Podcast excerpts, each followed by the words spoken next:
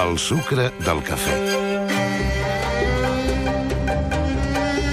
El sisè manament de la llei de Déu diu no faràs accions impures i durant segles alguns capellans l'han violat mentre els seus superiors miraven cap a una altra banda.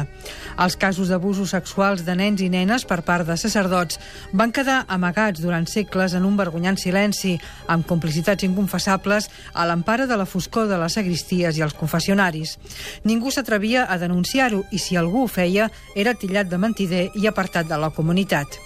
Així van passar els anys fins que a mitjans del segle passat les víctimes adultes es van fer fortes, es van organitzar i van decidir no callar més.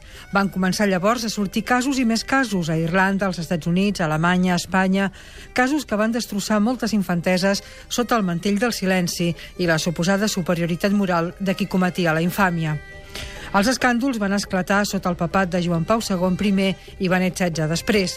La seva resposta no sempre va tenir la contundència que hauria calgut esperar i algunes associacions de víctimes els van fer responsables d'encobrir abusos i ignorar denúncies.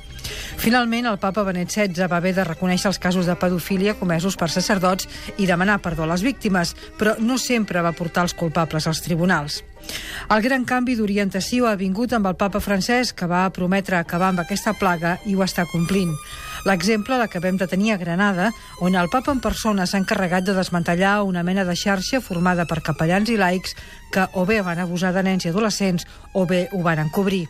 Hi ha 12 persones acusades que hauran de respondre dels seus actes davant la justícia ordinària, que és qui, en definitiva, ho ha d'investigar, sense contemplacions.